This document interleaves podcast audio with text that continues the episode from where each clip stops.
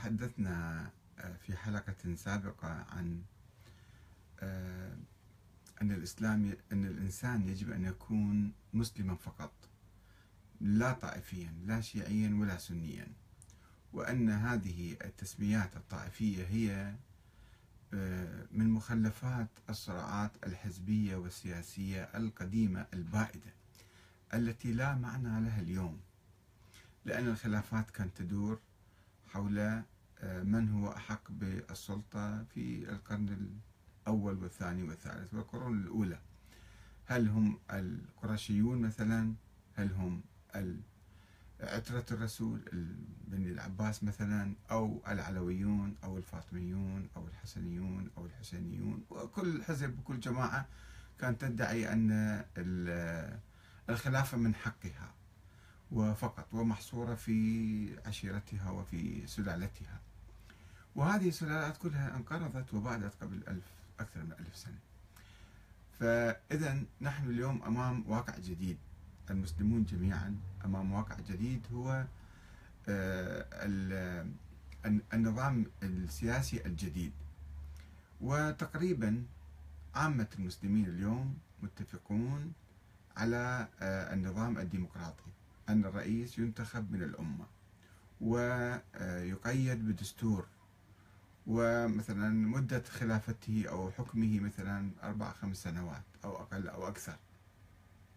وأيضا كل بلد مثلا يشترط آه، شروط معينة وصفات معينة آه، حتى في الجمهورية الإسلامية الإيرانية النظام هو نظام جمهوري ديمقراطي دستوري ويشترطون آه، في القائد أن يكون فقيها عادلا مثلا. كما يشترطون في رئيس الجمهورية أن يكون كفوءا وعالما ومديرا وإداريا وشجاعا وما إلى ذلك من صفات القيادة. المفروض أن تتوفر في أي واحد يصدى لمنصب قيادي كبير.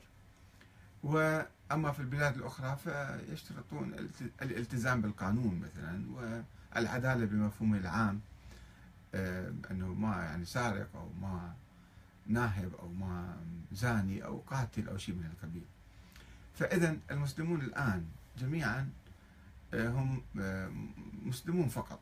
لا لا يمكن أو لا يصح أن نطلق عليهم هذا سني أو هذا شيعي.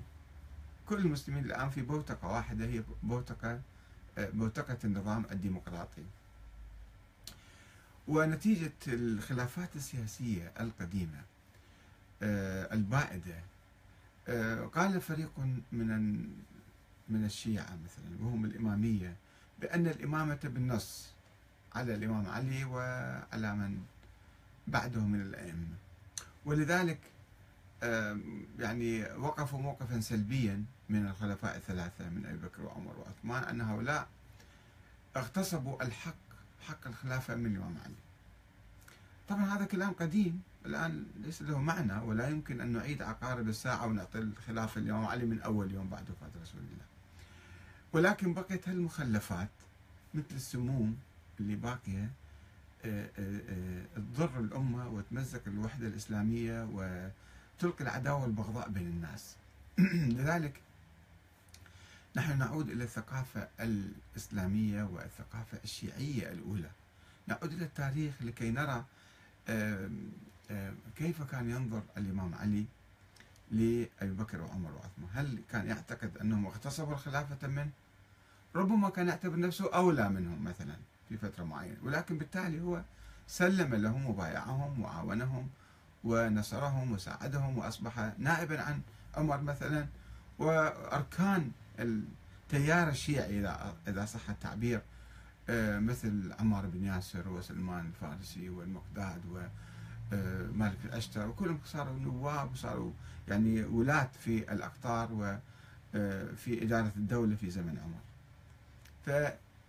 فلذلك يعني ولو إحنا مو بحاجة إلى ذكر هالشيء ولكن حتى نقتلع هذه الأفكار السيئة والسلبية الموروثة عند بعض الناس وبالتالي يتصورون أنه آه، الإمام علي كان عنده عداء مع عمر وعمر كان يعادي الإمام علي وكان بهم حرب كأنه وهم الآن يجب أن يدخلوا في هذه الحرب ويتصارعوا مع الآخرين مع من يؤمن ب خلافة أو شرعية الخلفاء الراشدين.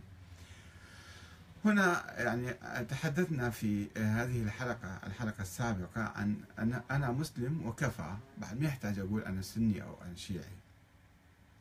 طبعا آيات قرآنية كثيرة تقول هو سماكم المسلمين وفقط ما في إضافة أخرى عن المسلمين.